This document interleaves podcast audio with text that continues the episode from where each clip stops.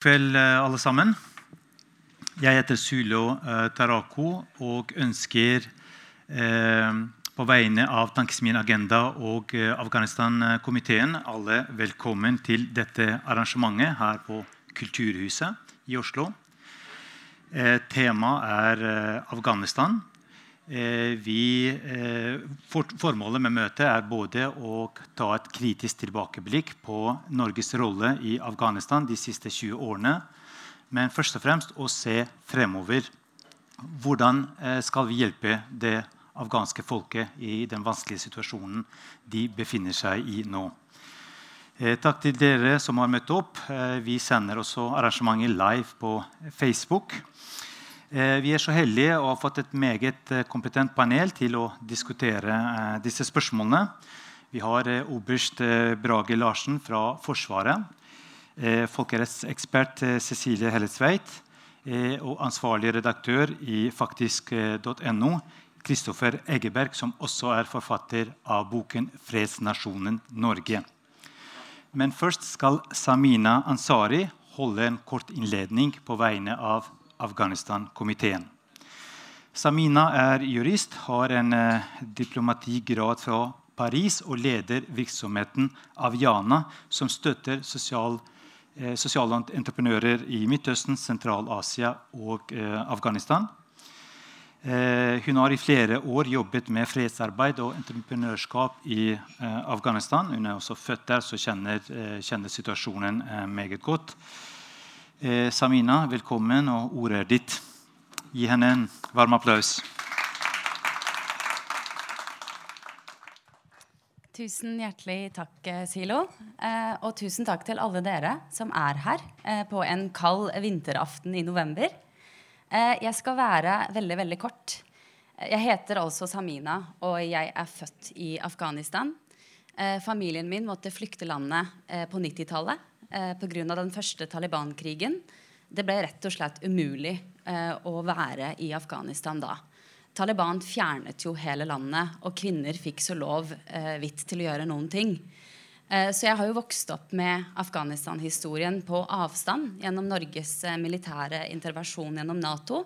Eh, og i 2015 så var jeg veldig nysgjerrig eh, på å lære mer om dette landet som jeg var født i, som hele verden snakket om kun på en negativ og militær måte. Eh, så jeg reiste tilbake til Kabul eh, og ble veldig, veldig positivt overrasket. Eh, så i min innledning skal jeg først snakke litt om situasjonen i dag. Eh, og så skal jeg også eh, si innledningsvis den Afghanistan jeg så de siste seks årene og den progresjonen som er i landet, som jeg mener er veldig viktig å understreke når vi skal snakke om Norges rolle fremover. Eh, så til å begynne med så eh, skal jeg snakke om eh, litt mørke ting, og det er veldig viktig. Rett og slett fordi ifølge FN så har det nå kommet fram at 23 millioner mennesker er i desperat behov for mat. Og det er over halve den afghanske befolkningen. Eh, videre så viser også tall at økonomien på 20 milliarder dollar kan krympe med 4 milliarder dollar eller mer fremover. Eh, og siste punkt 97 eh, av befolkningen på nesten 40 millioner står i fare for å synke i fattigdom. Det vil selvfølgelig si at flere og flere afghanere vil ønske å komme seg ut av landet Eh, hovedsakelig så har jo en del forlatt landet allerede. Eh, den største belastningen ligger nå på nabolandene Pakistan og Iran. Eh, men vi har jo også fått afghanere i Europa, også her i Norge. Eh, den Afghanistan jeg så eh, mellom 2015 eh, og 2021, var også en Afghanistan full av håp. jeg møtte en ung afghansk generasjon fordi 70% av landets befolkning er under 30 år som drømte om fred. Som drømte om noe som de aldri har opplevd hele sitt liv. Eh, og det er noe som ingenting i verden kan erstatte. Eh, det var enormt progresjon på veldig mange områder. Og det er veldig viktig å også huske på. Fordi 20 år i Afghanistan var ikke bare en operasjon som feilet 100 eh, Blant annet så var det et aktivt sivilsamfunn der under Taliban-regimet på 90-tallet så var det ikke noe sivilsamfunn. Eh, og jeg selv var med på et arrangement i Kabul i mars hvor vi samlet, i 2020, hvor vi samlet 1350 medlemmer fra sivilsamfunnet i Afghanistan. Alle 34 provinser, så ikke bare hovedprovinsene eh, som kom sammen eh, og fortalte det internasjonale samfunnet på det tidspunktet hva de ønsket fra bl.a. fredsprosessen. Da var det menn og kvinner, journalister, unge eh, fra flere etniske grupper. Eh, som sikkert mange her vet, så er Afghanistan veldig mangfoldig. Det er 14 ulike etnisiteter og flere språk. Eh, men denne gruppen hadde da kommet sammen fordi de ville vise verdenssamfunnet at de ønsket å samarbeide. Dessverre så ble det ikke hørt. Eh, den fredsavtalen eh, som da eh, var mellom hovedsakelig USA og Taliban, var det som ble avgjørende for hele landet. Og i den avtalen så var det ingen kondisjoner. Det var kun USA som ønsket at Taliban ikke skulle ha en relasjon til andre militærgrupper. Og til gjengjeld så skulle de trekke ut alle de internasjonale soldatene. Og det har skjedd. Så nå så sitter vi i en situasjon hvor den afghanske befolkningen, altså sivilsamfunnet, er mellom barken og veden. Fordi det er de som må nå stå fram og si at de ønsker hjelp til tross for eh, den store katastrofen som ble ledet av et internasjonalt samfunn med USA på fronten. Eh, videre så var det også eh, utdanningssystemer i landet som hadde blitt styrket eh, noensinne i den afghanske historien. 65 eh, av unge afghanere mellom 15 og 26 år kan i dag lese og skrive. Og så er det kvinners rolle, som vi i Norge er veldig opptatt av. Eh, afghanske kvinner er ikke bare stakkarslige aktører som vi kjenner som eh, kvinner i blå burka. Eh, de jobbet ak aktivt med å bygge opp landet sitt. Eh, og flere og flere kvinner tok utdannelse eh, og også jobbet i lederstillinger jeg ledet bl.a. et senter som trente 700 kvinner i entreprenørskap. Hvorav 25% av de satte opp en sosial entreprise til slutt. Så de ønsket å delta ikke bare i det offentlige rom, men også den formelle økonomien.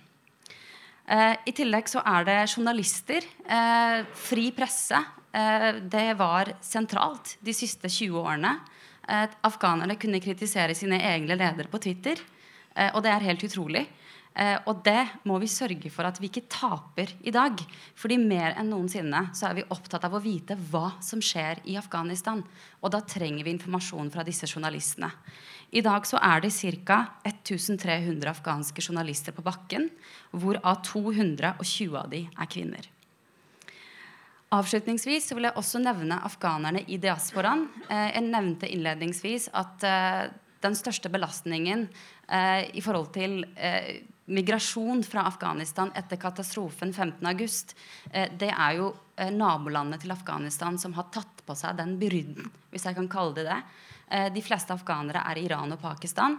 Eh, men noen av de har også fått mulighet til å komme til Europa. Norge har bl.a. tatt inn en del kvinneaktivister, menneskerettighetsforkjempere og også afghanere som støttet Forsvaret i Afghanistan. Så spørsmålet mitt er hvordan kommer vi til å integrere denne gruppen? Ikke bare inn mot vårt, vårt, egne, altså vårt, eget samfunn, men også i forhold til at de er jo ressurser for å kunne viderebygge på verdier i Afghanistan. Så min eh, spørsmål til panelet er hovedsakelig hvordan bevarer vi noen av disse verdiene? Fordi det er verdier som vi har jobbet hardt mot å få til.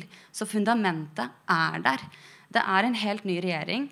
Og det er en regjering som jeg personlig absolutt ikke stoler på.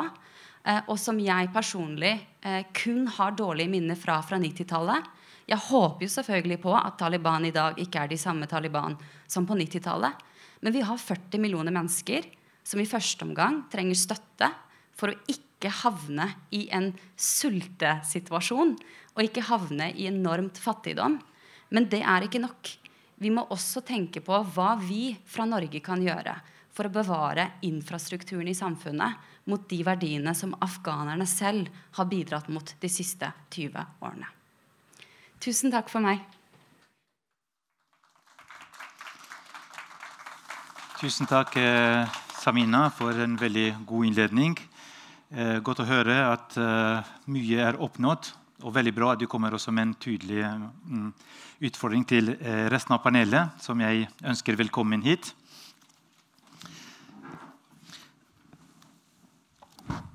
Vi må også fjerne dette bordet.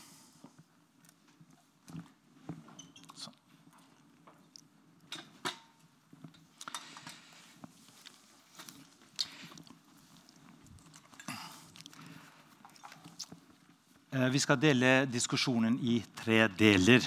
Først skal vi se litt tilbake på hva som eh, gikk galt, og hva som er oppnådd. Deretter eh, skal vi snakke litt om situasjonen nå, og hvordan vi skal forholde oss til den situasjonen. Og viktigst av alt veien videre. Hvilket ansvar har Norge for å hjelpe Afghanistan i tiden fremover? Jeg begynner med deg, Brage Larsen.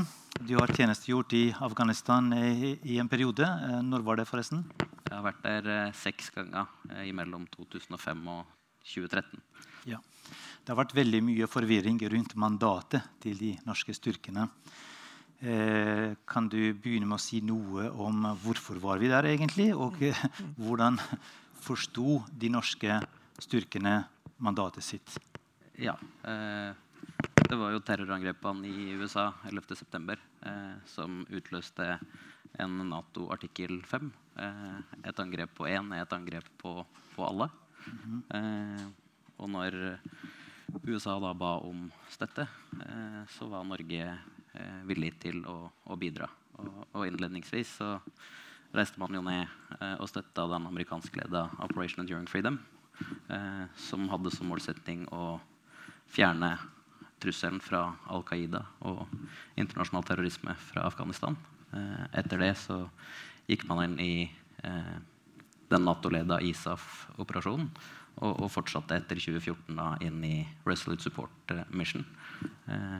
Og ble med uttrekninga eh, når man beslutta eh, å trekke ut i 2021. Så til å starte med så var mandatet ganske klart, men så ble det litt mindre klart etter hvert. Ja, Norge har først og fremst vist seg som en god alliert. Mm. Eh, og alliansedimensjonen har vært viktig eh, hele veien. Både overfor en av våre viktigste strategiske samarbeidspartnere, og, og ikke minst for å det, bidra til å styrke Natos relevans. Eh, eh, det har vært en, en, kamp mot internasjonal terrorisme eh, og for et bedre Afghanistan. Ja. Ser at Cecilie ønsker å kommentere dette Nei, med en gang. Eh, jeg kan jo legge til noen ting rundt dette med oppgaven. Fordi Da amerikanerne gikk inn i 2001 og Norge ble med, så var ikke det en Nato-operasjon. Norge var med militært i USA og i Middelhavet i Nato-operasjoner under artikkel 5. Det er integrert Nato-operasjon.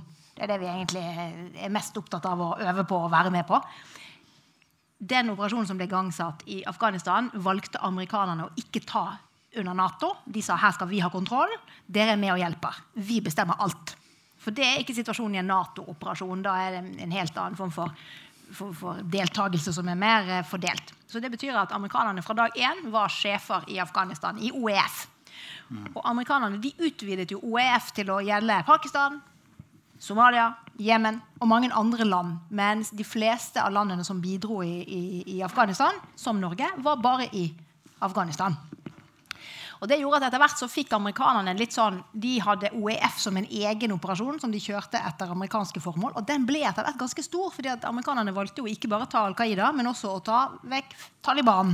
Mm. Som egentlig var, et regime, det var en regimeendring som man egentlig ikke konfererte så mye med de andre om. Det bestemte amerikanerne. Og så var det en del uro blant de andre landene med at dette var jo en amerikansk administrasjon som våren 2001 hadde proklamert 'We don't do state building'.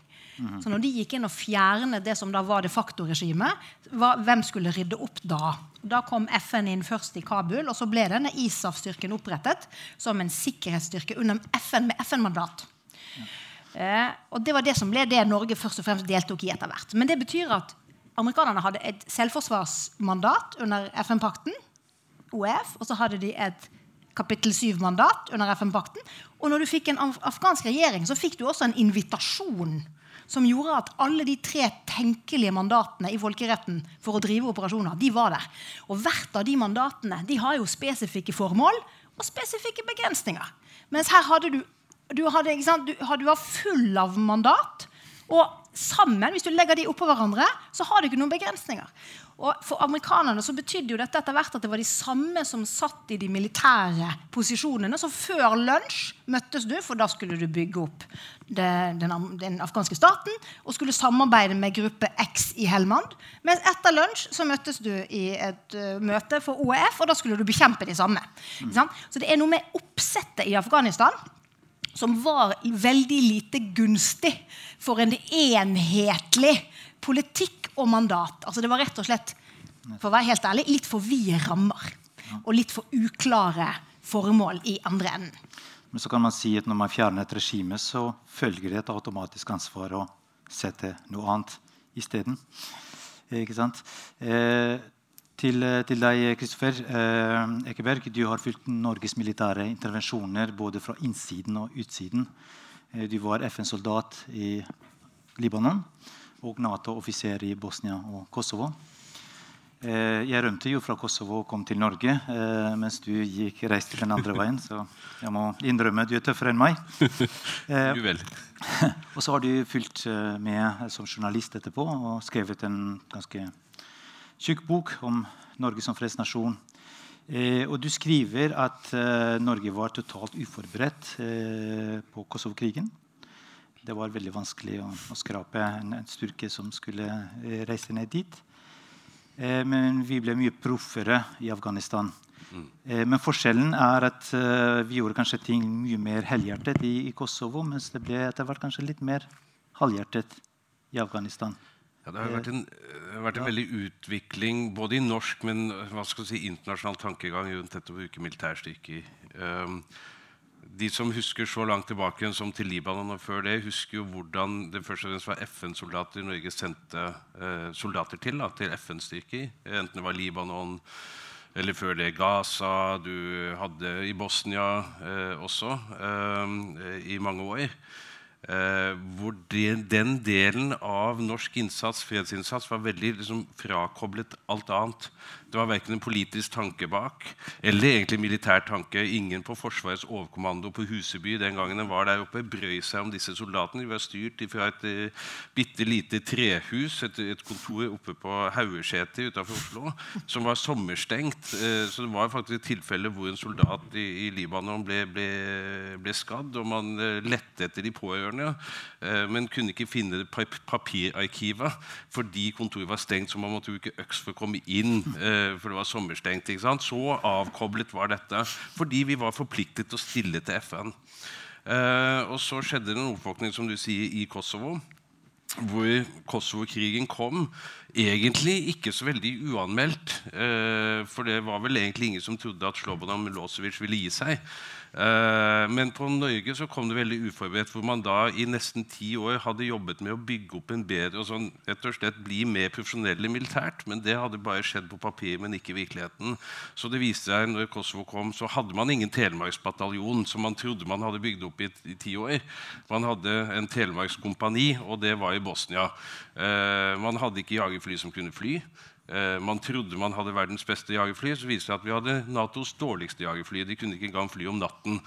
Eh, og man hadde eh, fartøyer, men ingen kontrakter som tilsa at man kunne sende norske marinefartøy i krig. Rett og slett Da kunne mannskapet nekte, noe som var upraktisk. Ergo så kunne vi ikke stille noen ting til, til Nato i Kosovo da den krigen var realitet bortsett fra spesialsoldatene.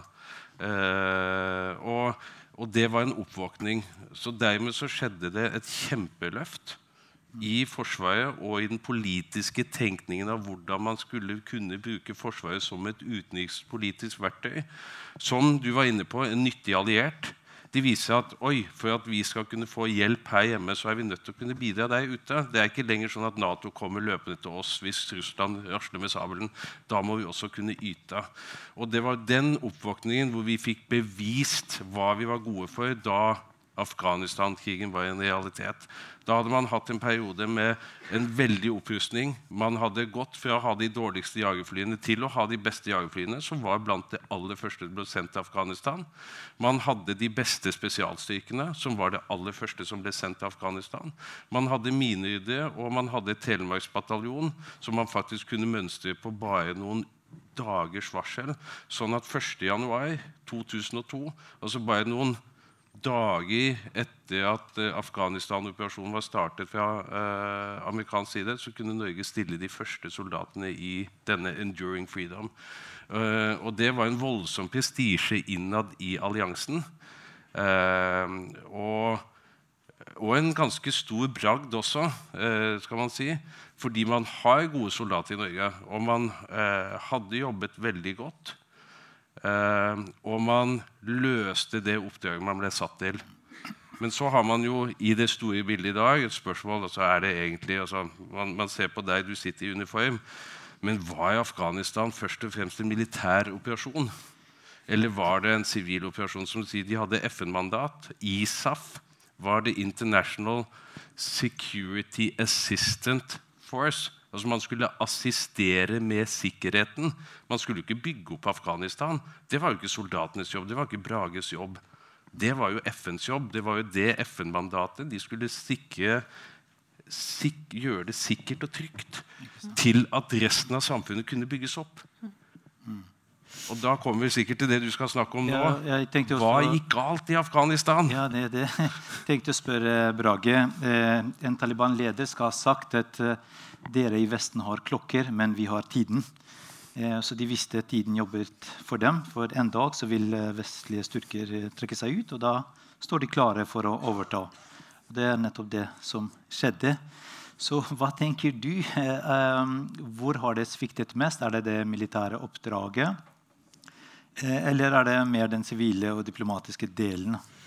Jeg tror alle som jobber i Forsvaret, og som er offiserer, har et veldig tydelig bilde på at militærmakt alene eh, sjelden kan skape fred. Eh, vi kan dessverre noen ganger være et nødvendig middel på veien mot en eh, fremforhandla politisk løsning på en konflikt. Eh, og så kan vi gjøre det vi er best på, og sørge for stabilitet og sikkerhet.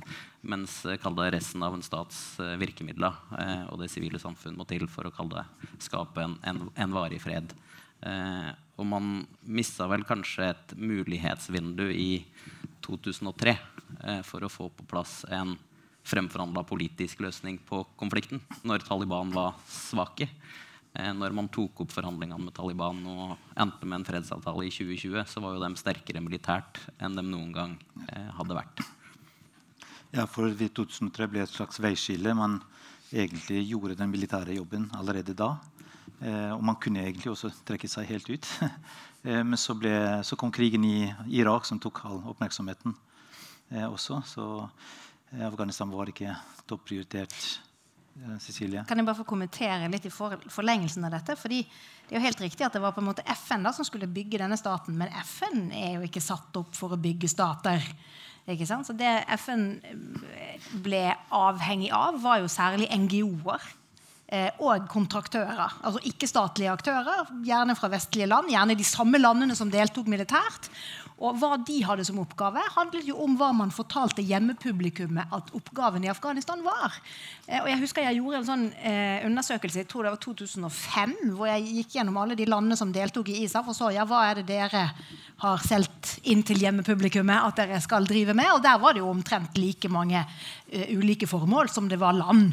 Sant? Og det gjør at det var det man gjerne innrettet pengene mot. Og det gjorde for det første at, at denne statsbyggingen ble en sånn NGO-drevet eh, sak som da sprikte litt i alle retninger. Og så gjorde du også det litt sånn krevende at noen av NGO-ene ble knyttet liksom til den afghanske statsmakten. Og da er det jo ikke lenger en uavhengig NGO, en humanitær aktør, men du blir veldig fort knyttet opp til det politiske prosjektet, som etter hvert da har halvparten, eller i hvert fall en del av samfunnet mot deg i det som etter hvert ble en, borg, altså en, vedvarende borgerkrig. Så Det klart det skjedde en del ting strukturelt der som var veldig uheldige for utsiktene til å lykkes eh, med prosjektet. Og så vil jeg bare også nevne at det man gjorde på Balkan på 90-tallet Forholdsmessigheten i forhold til investeringer økonomisk og militært var jo jeg tror det var i forholdstallet 1 til 15 eh, på det beste. Vanligvis 1 til 25. Altså, der man satte 25 soldater inn på Balkan, hadde man én i Afghanistan. Det var veldig under Det var altfor lite ressurser i forhold til oppgavens størrelse. Ja, og Apropos det du sier med FN og bygging av stat, så drev jo eh, FN egentlig med statsbygging i Kosovo. Eh, ja. I min egen hjemby der, i Pea, Når jeg dro dit, så var det en FN-indisk ordfører som styrte byen.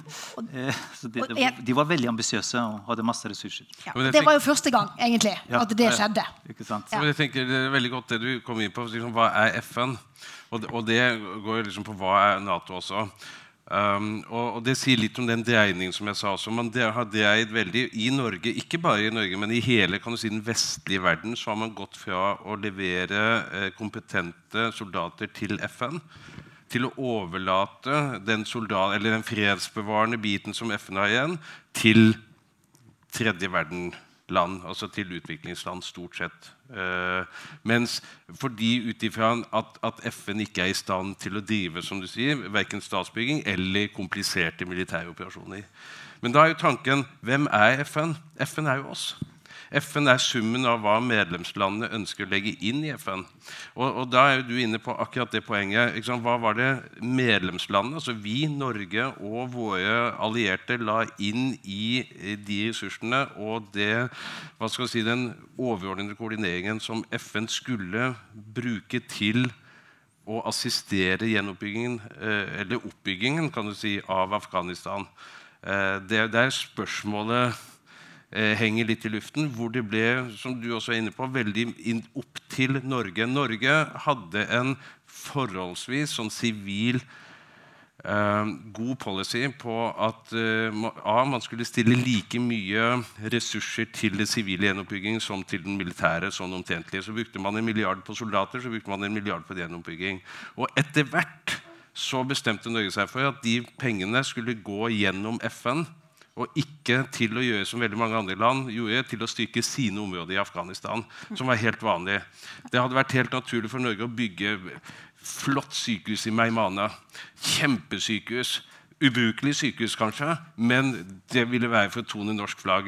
Typisk sånn åpne pikeskoler. Det var en sport i det fra 2002 til 2005 i hvert fall. Så skulle alle land åpne sine eh, eh, pikeskoler rundt om på Så du hadde etter hvert så mange skoler, men du hadde jo ingen lærere til å fylle dem eller elever til å gå der, for du hadde ikke sikkerhet, men du hadde masse nybygde skoler. Og på den måten så hadde man sånne adhoc-prosjekter hvor svenskene skulle tone svensk flagg, og danskene dansk flagg, og nordmenn norsk flagg. Og altfor lite gikk koordinert gjennom FN-leddet til å gjenoppbygge. Og igjen, nettopp derfor så fikk du den korrupsjonen som Cecilie er inne på. Uh, hvor veldig mange av disse prosjektene ble gjerne knyttet til nasjonale NGO-er, Norske Flyktninghjelpen eller eh, USAID eller andre aktører som jobbet med sine lands uh, si, bevilgede og hadde sine prosjekter med sine lokale kontraktører i sine områder. Ja. Jeg har sett en serie eh, som heter 'Norway at War' eh, på YouTube. Som består av eh, seks episoder, hvor man ser norske soldater prøve å hjelpe det afghanske folket lokalt. Mye frustrasjon fordi man ikke klarte å hjelpe de fattige personene i sør. og det var fordi det ikke var trygt nok, og det ble ikke prioritert nok. Så hadde vi en diskusjon om hva skulle militæret gjøre versus hva de humanitære. og så Det oppsto en, en diskusjon, prinsipiell diskusjon der. Kan du si noe om, om, om det? Også, eh, man har oppnådd en del ting, eh, og man har gjort eh, mye altså fra Forsvarets side i, i starten, men så ble det vanskelig å hjelpe personene. Da, eh, og det, jeg tror ja. altså Det er over 9200 norske soldater som har tjenestegjort i Afghanistan i de 20 åra man har vært der. Eh, og jeg tror alle de som har vært der, kan være stolt over den jobben de har gjort. Eh, for de, norske soldater har løst oppdraget sitt, som vi har fått av norske politiske myndigheter, på en veldig god måte. Og det var jo en politisk beslutning å ikke sende norske soldater til sør. Ikke en, ikke en militær eh, beslutning. Eh, og da valgte man jo i 2006 å utover egentlig fokusere på, på, ISAF og på Kabul med omkringliggende provinser, og etter hvert på å det eh, Så ble det ble et klarere skille ikke sant, mellom Ja. de humanitære eh, oppgavene og, de militære. Cecilie ønsker å kommentere det? Ja, eh, jeg er helt enig. Jeg, synes, jeg tenker at De militære har gjort en formidabel innsats i Afghanistan. Og det har også de norske humanitære organisasjonene gjort. Altså, de har gjort virkelig arbeid i verdensklasse. Og vi har bygget masse norsk kompetanse som vi har tatt med oss hjem eller til andre konfliktområder. Så det, altså, Norge har fått masse igjen for sin innsats i Afghanistan. Men det er ikke det vi spør om her. ikke sant? Spørsmålet er hva har Afghanistan fått igjen. Og jeg hvis jeg er det én ting som jeg skal få kritisere norske myndigheter for, så er det politisk ledelses eh, unnvikenhet og unnfallenhet i forhold til å være ærlig med hva det dreide seg om. Og Det syns jeg egentlig er en liten skamplett på norsk. Og det er noe som går ut til hele det politiske spekteret, for her var det ingen partier som egentlig utmerket seg med spesielt mye større stamina enn andre. Det var at de, de var ikke villige til å akseptere å stå opp i Norge og si det vi i realiteten gjør her, er å sende soldater ut. Det er en borgerkrig egentlig. Looming. Nå er det blitt en væpnet konflikt. Vi er en deltakende aktør. eller vi har i hvert fall, altså, det, det tok veldig veldig lang tid før de var villige til det. Og en del av de kan vi si, feilprioriteringene som jeg mener norske myndigheter gjorde ganske tidlig, hadde sammenheng med den manglende viljen til å ta det politiske ansvaret her hjemme. tror jeg. Mm. Og, og, og det, Etter hvert så justerte det seg. så Etter hvert så landet de for så vidt på beina. Og det de gjorde etter hvert, syns jeg det står veldig stor respekt av. Men jeg vil bare si én ting. Når vi kom til 2014 og ISAF ble avsluttet, og vi gikk over i den siste delen, da, eh, som har vært en del, en, en, kanskje en operasjon hvor, hvor, Norge har hatt litt større makt til å på en måte vise, eller til å være med på å forme hva bidraget vårt var, så valgte jo Norge å ta videre den relativt kloke innsikten som vi da hadde opparbeidet oss. Og vi hadde en litt annen innretning på vårt militære samarbeid med afghanerne enn mange andre land.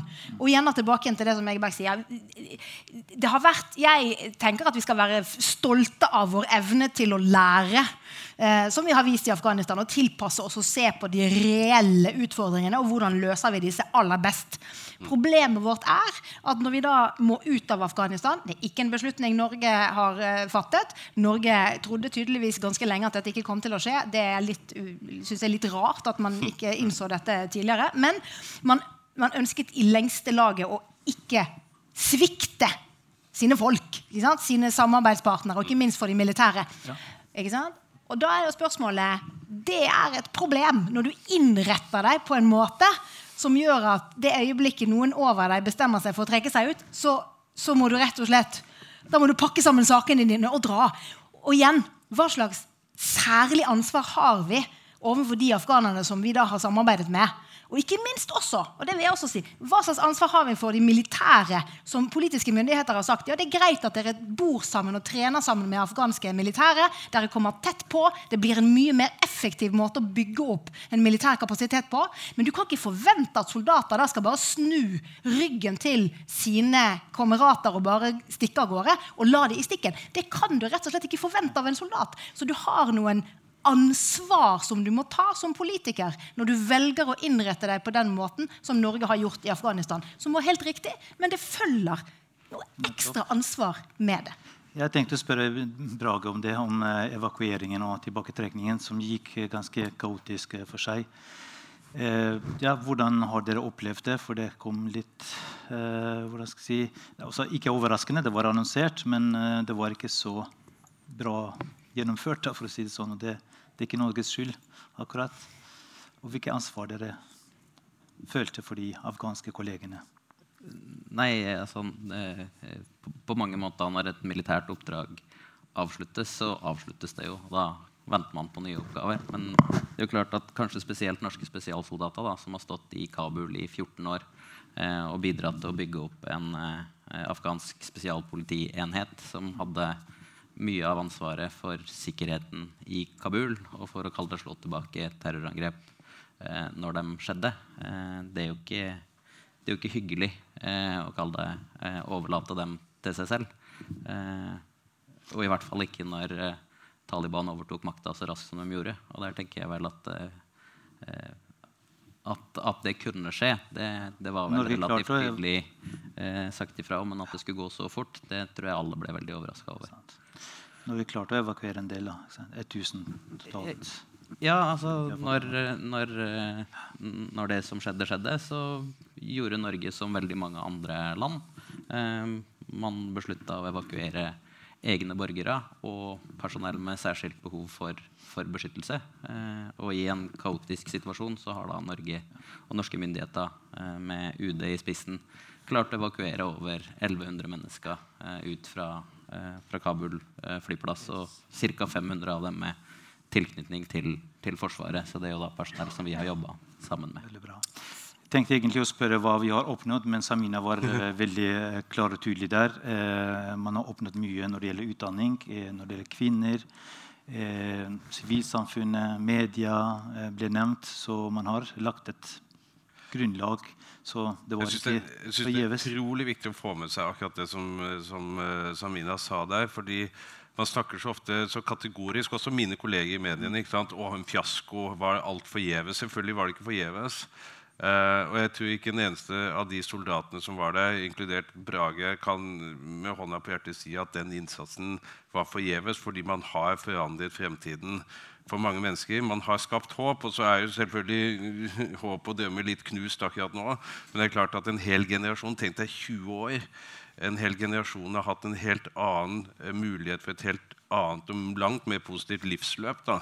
Ikke alle, men mange som aldri ville funnet sted hvis eh, ting hadde forblitt sånn som det var i 1999. Det er det ene. Så tenker jeg i, i, den forlengelsen som du sier, altså den avstand den, Det var jo utgangspunktet for at jeg skrev boka 'Fredsnasjon Norge'. var jo den avstanden jeg opplevde når jeg selv kom hjem. altså Min siste vakt var jo i september-oktober 2001. Og så 11. september skjedde på min vakt eh, da jeg var i Kosovo. Eh, og kom hjem i oktober og begynte i Dagbladet. altså La geværet og forsvarskarrieren på hylla for godt og begynte som journalist i Dagbladet og jobbet da med krigen mot terror eh, like etterpå. Og opplevde da den ekstreme avstanden det er mellom eh, hva skal du si, soldatene, Brage i felt i Kabul, og Stortinget. Og et sted imellom så har du den norske befolkningen. Og media kanskje også et sted der? Jo, og mediene òg. Og, og, det henger så sammen med mye av at nå er det nesten ingen som eh, Nå er det heldigvis flere igjen da, som avtjener førstegangstjenesten, men det har vært en lang periode hvor veldig få egentlig får et forhold til Forsvaret. Eh, hvor du snart ikke er en politiker på Stortinget som selv enten har tjenestegjort i utlandet eller vært i Forsvaret i det hele tatt. Eh, den panikken som oppsto hver gang en norsk soldat var i fare i Afghanistan, for eksempel, hvor man skulle sminke på det. Man hadde, Etter Mohammed-tegningene i 2006 så hadde man et angrep på den norske eh, leiren i Meymane som var helt vanvittig. Altså, det er egentlig et sant under at ikke det gikk liv tapt. Eh, det var flere tusen afghanere som gikk til angrep mot en leir som var dårlig passet på. Man trodde ikke at det, Man tok ikke situasjonen på alvor. Og soldatene kjempet for livet i et døgn eh, og overlevde mot alle odds. Men ved å overleve så måtte de faktisk skyte tilbake igjen. De måtte forsvare seg. Og mens de kjempet virkelig for livet, mens de gjorde det, mens situasjonen var der, så satt de på Stortinget og i regjeringen og snakket med mediene om at nei, de hadde kanskje skutt med gummikuler.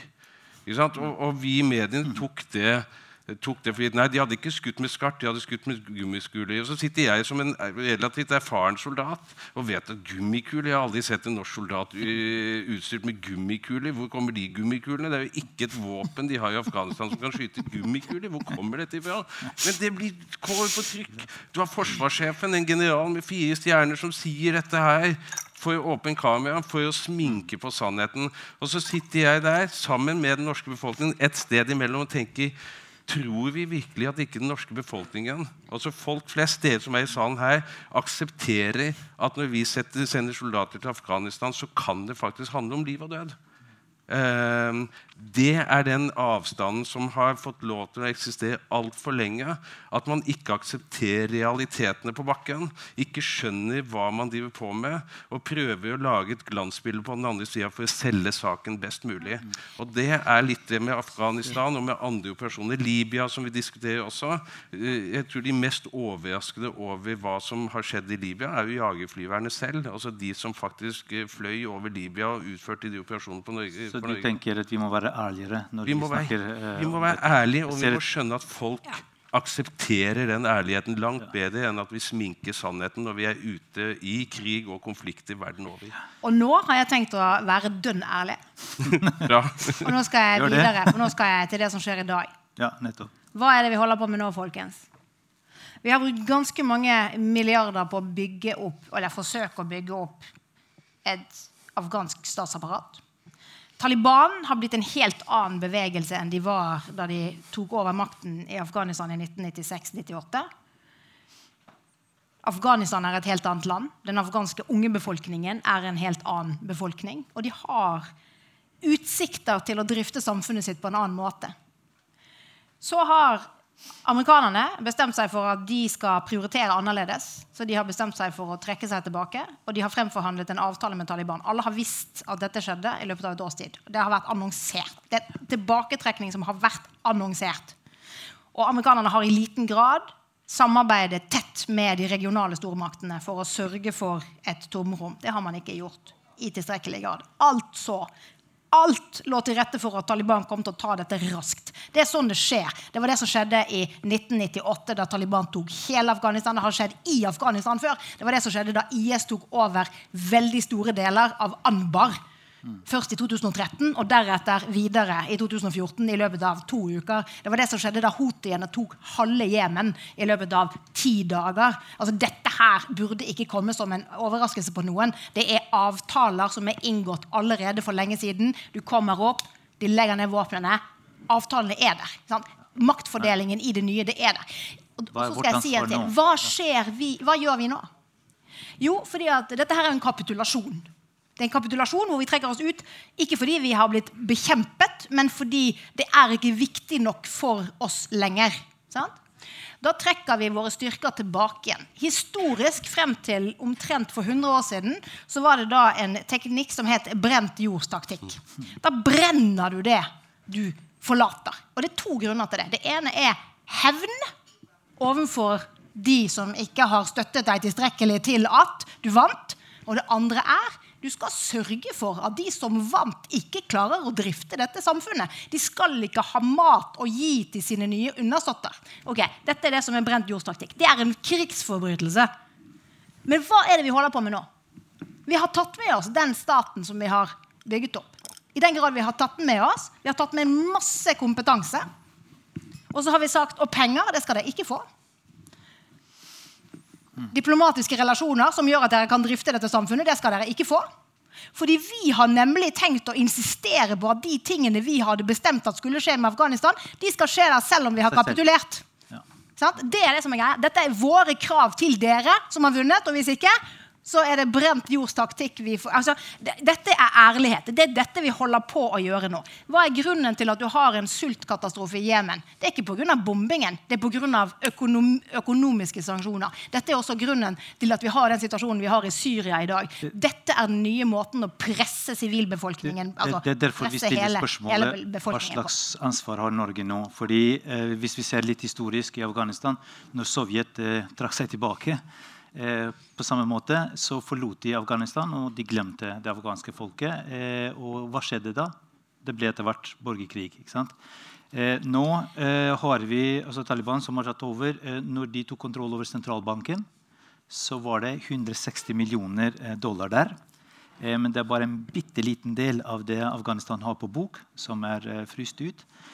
Eh, og, og det eneste de kan tilby folket, er eh, lov og orden. Og eh, kanskje ikke det engang.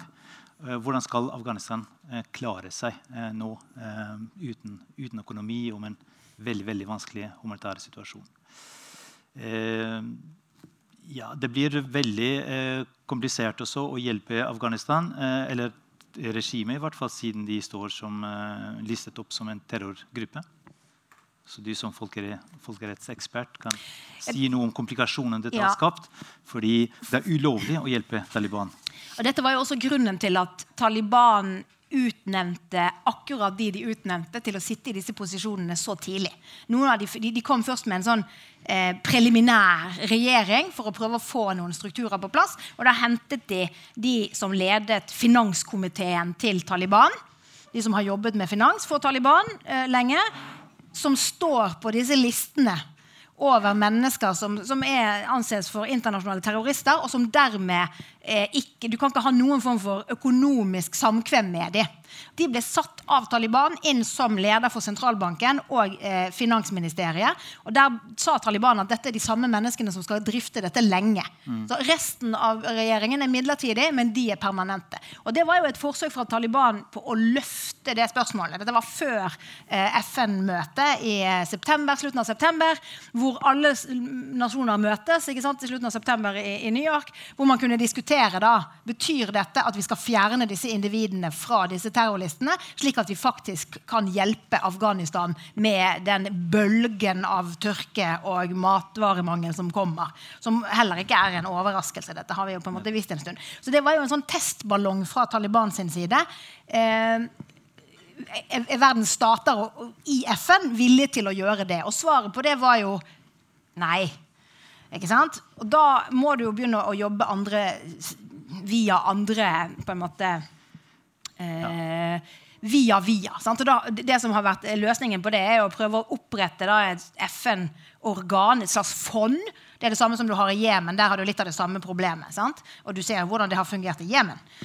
Eh, hvor, hvor, hvor, pengene fases inn via FN fra nasjonene, slik at nasjonene ikke kommer i direkte kontakt med disse menneskene som er, står på sånne terrorlister. Mm. Hvor, du, hvor, du, får et sånn oppsett som skal gå via via. Det som er Problemet er at at det blir en veldig politisert prosess. og det, det, der er det, det, er masse problemer med hvordan det fungerer, som jo Jemen er et eksempel på. Jeg kan bare, bare minne om at 80% av befolkningen i Jemen er avhengig av humanitær hjelp for å, for å klare seg. Sant? En ting er humanitær hjelp, eh, for det er jo flere land som fortsetter å drive humanitær hjelp. En, en annen ting er utvikling og bistand. Ja. og Der har også mange land har fryst ut eh, bistanden. Norge eh, heldigvis ønsker å fortsette å hjelpe med altså Afghanistan, med utviklingshjelp, men kanalisere det via andre kanaler enn en Taliban. Uh, det er noen utfordringer der, ikke sant? og du sier at det finnes mulige løsninger også. Hva jeg tror den, den løsningen som det er grunn til å setter størst lit til, er de regionale maktene i Asia rundt Afghanistan. Eh, Shanghai Cooperation Organization. De som fyller tomrommet etter Vesten? Det er de som fyller tomrommet. Og eh, jeg, tror, jeg, tror, vi kan si at Iran ble jo tatt opp en uke etter at amerikanerne trakk seg ut av, av, Afghanistan. Og Iran har forsøkt å komme inn her i ti år. Eh, og det var en av gulrøttene fra atomavtalen som ikke gikk allikevel. Mens nå eh, trenger man på en måte Iran for å klare å stabilisere vestlige deler. Og så har man Pakistan med, og India og Russland og alle Så alle, alle landene rundt Afghanistan er medlemmer av CSO, og det er kineserne og russerne som i fellesskap egentlig styrer den skuta der. Så, så, så, så der ligger nok den viktigste måte, utsikten til at dette kan, kan stabiliseres på en måte. Spørsmålet er jo på en måte hvor lenge skal Afghanistan holdes i det der strupetaket før man kommer dit. Ja. Og et spørsmål også til dere når det gjelder terrortrusselen, som var utgangspunktet for intervensjonen. Kan man si eh, at eh, den, den er fjernet når IS er til stede? og eh, nå får vi ikke så mye etterretningsinformasjon heller. Da er vi veldig avhengig av disse regionale maktene, som kanskje ikke er så villig til å dele informasjon med oss. Ja, vi kan i hvert fall si at det ikke har vært terrorangrep internasjonalt med utspring i Afghanistan eh, så langt. Eh, ja, fordi dagens terrorister er ikke avhengig av Afghanistan. Eh. Men, men, men, nå er det jo egentlig opp til Taliban, som har makta i Afghanistan, å, å, levere på det de da har, har sagt. Eh. Ikke sant? Så vi er blitt veldig avhengige nå av, av Taliban egentlig for både når det gjelder sikkerhet, men også når det gjelder utvikling og humanitært arbeid. Vårt problem i så måte er jo at den største terrortrusselen fra Afghanistan nå er IS i Afghanistan. De er ikke så store, men de er ganske smarte. Eh, og det de har gjort i de siste månedene, er å rette angrep mot sjiamuslimer. Mot hazaraene særlig, for å prøve å få opp en sånn sekterisk motsetning. Og Taliban har gjort det de har kunnet for å beskytte hazaraene. De kan ikke gå ut og si liksom, at hazaraene er sjiamuslimsk eh, minoritet som skal bli beskyttet i konstitusjonen, men det Taliban har gjort i praksis, er å beskytte hazaraer. Og IS har kommet inn og vist at nei, nei, men Taliban klarer ikke å beskytte dere likevel. Og det IS har gjort, at De har jo brukt eh, kinesiske uigurer i noen av disse angrepene her, for å vise at ja, kineserne vi er på, eller, eller russere. Altså det, det, er jo helt, det er ikke tilfeldig verken hvem som deltar fra IS sin side, eller hvem de angriper, eller når de gjør det. Så det, og det er, jo en, det er jo det som er den store skal vi si, regionale utfordringen. Eh, mens Al Qaida fortsatt fins i Afghanistan. og De er liksom embedded med Taliban. Inngiftet, og Taliban har liksom lovet amerikanerne at vi skal, vi skal ta vare på Al Qaida. det skal ikke bli noe problem.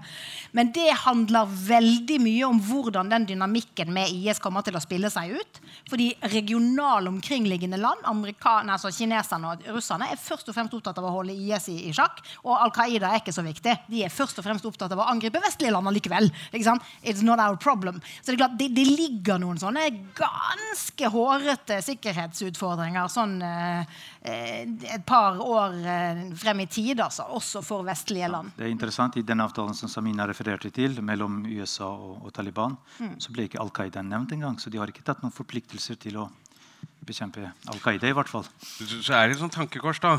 Altså, vi er veldig opptatt av å se verden der nede. Men øh, den største terrortrusselen her hjemme og i Vesten i dag er YouTube. Eh, altså, vi har jo eksportert flere terrorister til Midtøsten de siste årene i form av eh, fremmedkrigere som har reist den andre veien for å slutte seg til uh, ulike grupper i Syria, Irak og, og, sikkert også Afghanistan, enn det har vært terrorister som har reist hit og plagd oss. Uh, og det, noen kan si at Norge er frihav. Altså, det som har skjedd siden 1999 da, eller 2001, er jo også Internett. Og, og, en helt annen dynamikk i måten vi snakker sammen. Eh, måten eh, samfunnet vårt polariseres Se på det som skjer i USA. Det er ikke Afghanistan, det. Det er Donald Trump. det. Eh, se på eh, måten vi snakker sammen her hjemme. Eh, altså, Vindkraftdebatten er jo mye mer heftig enn immigrasjonsdebatten i dag. Eller eh, elbil eller Tesla eller hva det nå er. så vi utfordres av, av krefter som på mange måter har stilt konflikter som Afghanistan eller Jemen eller Libya litt i skyggen. Uh, mm. Og som også gjør at vi kanskje ikke har like stort fokus i forhold til altså, igjen, uh, det er 40 millioner mennesker som går en ganske tøff vinter i møte. Eh, og vi bryr oss egentlig ikke så veldig mye om det. Eh, og det er 9000 soldater som har vært der, som jeg tror ofte bryr seg mer om det enn eh, den jevne nordmann, fordi man har lagt igjen deler av sjela si der og har et genuint ønske om å lykkes og utgjøre en forskjell. Og så tenker Jeg jeg skulle så gjerne ønske at vi hadde sånn saving sånn som man har i spill. Da, at man hadde et sånn savingpunkt tilbake igjen i 2003. Og så skulle jeg også ønske at vi som samfunn innså at USA mistet interessen for Afghanistan allerede i 2003. Mm. Og den tesen om at vi ikke kunne altså, igjen, Det høres kanskje banalt ut, og jeg tar sikkert feil. Men jeg sier, hvem er det som sier at ikke at, vi, at, man ikke, hvis man virkelig ville, kunne fortsatt den innsatsen i Afghanistan uten USA. Det var ikke sånn at USA hadde en million soldater i Afghanistan uh, inntil uh, et halvt år siden. Altså, de var en av de minste aktørene. Uh, vi, har, vi, har, Europa, vi har Tyskland. altså ISAF besto av flere andre soldater enn amerikanske soldater, og innsatsen eh, besto. Men de fremstår som men, garantister? For, uh, ja, de fremstår som garantister, men det var en veldig god anledning til å si vet du hva, da må vi også ut. Det var en veldig enkel måte å si vet du hva, dette har vi ikke tålmodighet til. Og det er der det bunner ut at vi ikke lenger har tålmodigheten til å stå konflikten ut. Og Det er jo også dilemmaet til FN. Se på, Det er mange FN-operasjoner der ute som er 20, 30, 40, 50, 60 år gamle, ja. som fortsatt ruller i dag. Jeg sier ikke at de er en suksess, men skal du gjenoppbygge et land, skal du redde noen fra borgerkrig, så tar det gjerne mer enn 20 år. Bare kort, Cecilie, for ja. vi nærmer oss slutten. Ja, jeg vil bare si én ting. Amerikanerne trekker seg ut av Afghanistan fordi krigen mot terror ikke lenger har samme prioritet som den har hatt siden 2001. Kina har prioritet nå. ikke sant? Så, Siden 2018. I 2018 kom den nye amerikanske forsvarsstrategien. Det er ikke Trump sitt verk. Den hadde vært in the making lenge, og den står seg så å si urørt etterpå. Dette her er store ting. Det er stormaktsrivalisering som er i forsetet. Det er mot Kina det er mot Russland, og det gjelder i hele området sør for Europa. Problemet for Europa er at ikke vi ble stående i Afghanistan og avsluttet dette på en bedre måte, fordi det var et europeisk prosjekt å bygge en stat i Afghanistan. Det Europa trenger, det er stabilisering i våre områder mot sør. Vi trenger det i Afrika, og vi trenger det i Midtøsten. Europa har vist seg i, midt, i, i Afghanistan og ikke gidde å investere mer. Hørte dere hva amerikanerne sa den dagen de trakk seg ut og Kabul falt? Hørte dere hva Det hvite hus sa og det Penta- Pentagon sa? Det var samme beskjed. Nå sender vi ut en melding til alle mulige partnere i hele verden som er avhengig av amerikansk sikkerhets og økonomisk støtte. Hvis ikke dere gjør sånn som vi krever, hvis ikke dere har en innsett selv, så skjer dette. Vi mater dere til hundene. Om det er Taliban som til og med har med Al Qaida, det betyr ingenting. Det er vi villige til å gjøre. Alle amerikanske allierte i hele Afrika og Midtøsten la merke til dette. Jeg blir matet til islamistene hvis ikke jeg gjør slik amerikanerne sier. Dette er en del av stormaktsrivaliseringen. Det borger ikke mye stabilitet i våre nærområder som følge av dette. Det er Europa sin, sitt Men problem. er viktig- utfordring for Europa for å kunne uh, gjennomføre sine ting selv og ikke være så avhengig av USA. I alle intervensjoner så har vi vært helt avhengig av USA. Selv i Libya, der de egentlig Obama skulle egentlig ønsket ikke å være i førersetet, for Frankrike var det som Ja. uppet seg til dette. Men selv da så måtte de styre alt. Men man må Men- huske at ISAF, ISAF var aldri et amerikansk prosjekt. ISAF var en torn i sida til, eh, til George W. Bush. Han ville ha the coalition of eh, willing. Han ville sveipe over og, og eh, både håper å si, hevne 11.9., men også rydde Al Qaida veien. Og Det var derfor han gjorde det på den måten. Han ville ikke ha FN eller Nato eller eh, et, et supperåd, som han så det som, som skulle ta kjepper i hjulene i forhold til hvordan de skulle rydde rydde, altså føre krigen mot terror. Det var Europa og Canada som ville ha ISAF inn. Altså det var Vesten som ville ha kontroll på eh, en amerikansk ledet intervensjon. Ehm, så det var aldri et amerikansk prosjekt. Det, det du sa om at mange soldater har et forhold, norske soldater har et forhold til, til Afghanistan For det er 20 000 som har 9000, litt over Nei, 9000. 9200. Ja, eh, 9000. Det er 20 000 afghanere som, som bor i Norge.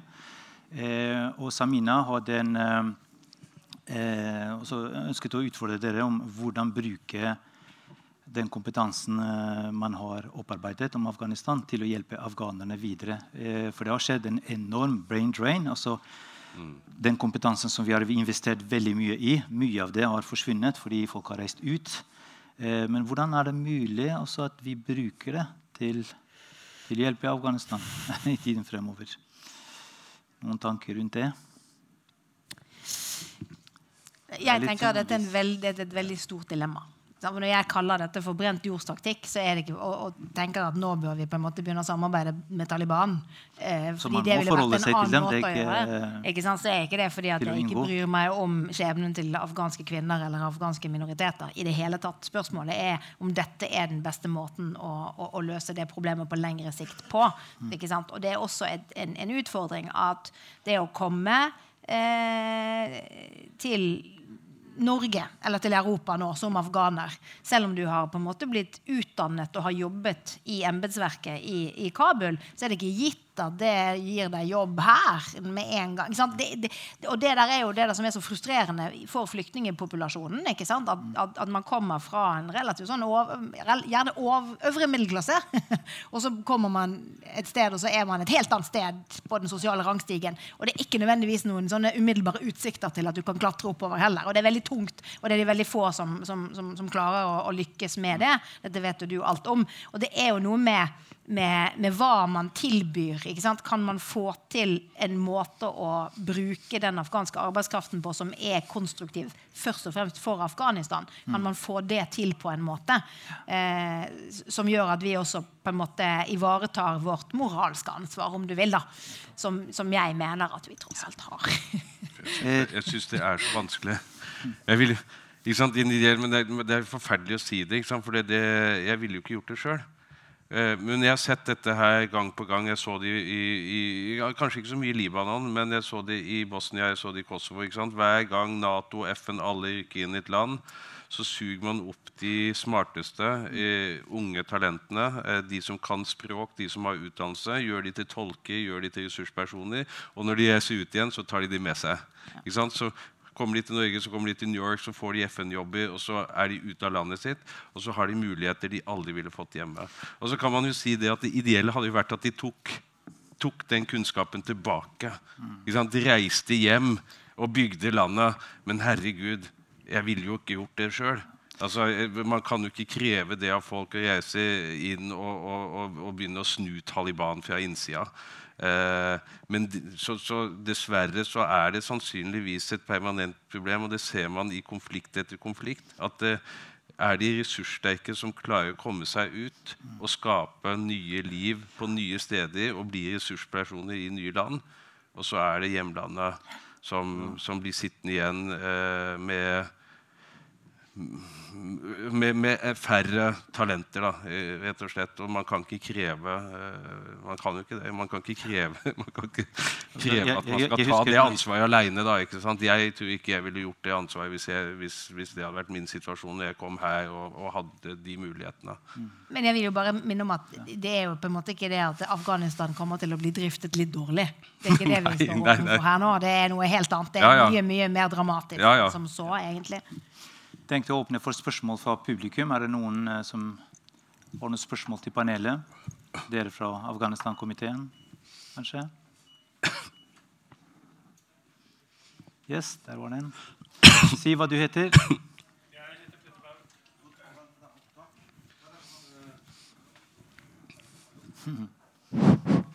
Da funker den. Petter Bauk var med på å dra i gang Afghanistan-komiteen i 1980. Så det begynner å bli noen år siden. Uh, og har fulgt Afghanistan siden. Uh, var der første gang for 51 år siden. Det som slår meg i Og jeg har vært i Maimane, jeg har vært i banken og jeg har vært i den andre leiren. Uh, sånn at Det som slår meg, er jo at det er en del ting som jeg opplever at vi glemmer. Uh, noe av det som skjedde både med Karzais regime og Ashraf Ghani, de to regimene som det internasjonale samfunnet etablerte, var jo at man aldri greide å bygge et legitimt regime. De savnet legitimitet i det afghanske folket. Det var korrupsjon. først og fremst. Det var nepotisme av ulike slag. Og Ashraf Ghani var en beinhard pastonsk sjåvinist. Det viste han uh, jeg opplevde i, på Wilton Park i 2010, hvor han holdt tale. Halvparten av tida gikk til å snakke om at pastonerne måtte komme tilbake til makten. Han holdt på en halvtime med det. Noen og enhver holdt på å dette av stolen. Valget i 2014 var jo også et typisk eksempel, hvor han da tok et pastonsk stammenavn i tillegg til Ashraf Ghani og kledde seg deretter. Og dette er jo noe av grunnen til altså Det er ikke bare det at amerikanerne mistet interessen i 2003, men det er jo også at det prosjektet som Norge var en del av, ikke bygde opp et legitimt regime som afghanerne hadde tillit til. Det som skjedde i løpet av inneværende år, var jo at veldig mange steder så overtok Taliban uten noen store sammenstøt. Høyst sannsynlig var det eldreråd rundt omkring som ga beskjed til de lokale militære eller politikommandanten om å legge ned våpnene. Det var jo grunnen Man tok jo Kabul uten at det var noe sammenstøt. i det hele tatt. For Ashraf Ghani nektet å skrive under på avtalen med Taliban som forelå.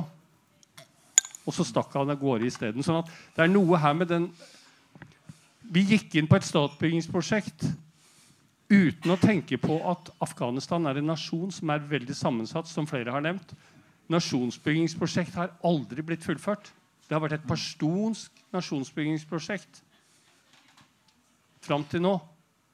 Det inkluderende nasjonsbyggingsprosjektet det har ikke funnet sted. Og så har vi prøvd å bygge en stat på det. Det kan ikke lykkes når du da i tillegg fòrer korrupsjonen bl.a. med amerikanske kontraktører og den type ting. Sånn at jeg er veldig enig med Cecilie. Norge og andre bør nå etablere kontakten med Taliban-regimet. En kritisk kontakt, men en diplomatisk kontakt. For det er den eneste måten å komme videre. Alternativet skal vi fjerne Taliban med våpenmakt, som øh, vår øh, Nato-generalsekretær har antydet noen ganger. Jeg tror ikke det bør være en farbar vei, for å si det pent. Ja, for å referere litt tilbake til de dokumentarene jeg så eh, det var, Dette var et veldig, veldig interessant spørsmål eh, om legitimiteten rundt eh, altså til de som styrte da, regjeringen vi støttet. Når soldatene, de afghanske soldatene som vi skulle trene og støtte, de skulle gå foran, mens eh, Nato-soldater skulle støtte dem. Eh, jeg merker den frustrasjonen blant norske eh, offiserer. At de virket så umotiverte. Man måtte, altså det var større pågangsmot eh, hos de soldatene som kom langt ifra, enn de lokale. En, I forbindelse med valg, f.eks. Og, sånt. og, og så, så, så tenkte jeg men det er jo kanskje ikke uten grunn at de er så lite motiverte. Eh, for hvem skal de dø for, og hvem kjemper de for? Det virker som de visste at, det, at de var der på låntid. Det, det er jo ekstremt begrensa hva du som ekstern aktør kan gjøre for å gi en lokal regjering tillit i egen befolkning. Det er først og fremst den lokale regjeringa som må skape den tilliten.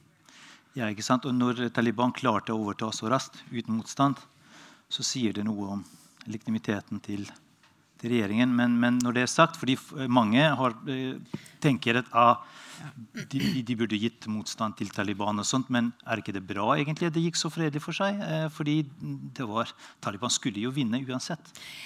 De fleste afghanere som er mer enn 30 år gamle, de husker jo forrige gang en utenlandsk makt trakk seg ut av Afghanistan. Da forsvant Sovjetunionen ut, og det førte til en utrolig brutal borgerkrig i Afghanistan. Som var så brutal at da at Taliban ble etablert av eh, pakistansk etterretning ja. i 1994, så var det fordi det var, det var en for voldelig situasjon. Man måtte prøve å samle ting. Sant? Og, det, og det er jo det der, Utsiktene til at det kunne skje igjen, var helt reelle. Så spørsmålet her er om man må stille seg i forhold til de vi har trent som la ned våpnene. Er det egentlig en moralsk forpliktelse du har faktisk å legge ned våpnene når det ikke er noen utsikter til at du kan vinne dette? Fordi det var ingen andre som hadde fått i oppgave å plukke opp der amerikanerne slapp. Det var ingen regionale aktører som egentlig var klare til å, til å ta den pinnen videre. Av mange grunner, som ikke handler om på en måte det afghanske folkets vel og ve. La oss være helt klar på det. Men allikevel så er det det som er realiteten. Det fantes ikke utsikter til noen. Visepresidenten under uh, Ashraf Ghani dro jo til Panjshir for å prøve å gjenopplive liksom, motstandskampen fra 1990-tallet. Uh, Sønnen til, til Ahmed Shah. ikke sant? Og det var ingen, det var ingen som, uh, utenforstående som var i nærheten av å være interessert og støtte. Og når, når det er oddsene dine, så er det klart da ønsker du å forhandle frem en løsning med de som kommer til å bli de nye sjefene. Og da ønsker du å A. Spare så mange av dine folk som du kan. Sørge for å få deg en så god posisjon som det er mulig å få. Og da er det om å gjøre å være så tidlig ute som mulig og si ja den dagen de kommer og spør skal vi måtte bruke noen menn og våpen på dere, eller skal vi bli enige om sant? Det, det, Dette er så rasjonelt at har du vært i den situasjonen, så skjønner du at ni av ti velger det uten å tenke seg om en gang. Fordi det er det eneste rasjonelle valget du har. Jeg vil bare tenke på Du spurte liksom eh, hvordan kunne man sette inn den regjering, hvordan skulle det skape legitimitet? Jeg, innleda litt med å si hvor uforberedt det norske forsvaret var når, når Kosovo oppsto. Men det må huske også altså, eh, De fleste i den salen her som er spesielt interessert i Afghanistan, spesielt Afghanistan-komiteen, hadde langt mer kompetanse på Afghanistan enn det den amerikanske eh, altså, eh, George W. Bush sitt kabinett hadde da man gikk inn i Afghanistan. Og, man kan le av det, men de løp ut Og jeg tuller ikke. Det jeg leser i Bob Woodwards bok uh, at War', hvordan de løp ut for å finne Ahmed Rashid sin bok om Taliban. Det er faktisk en veldig god bok også.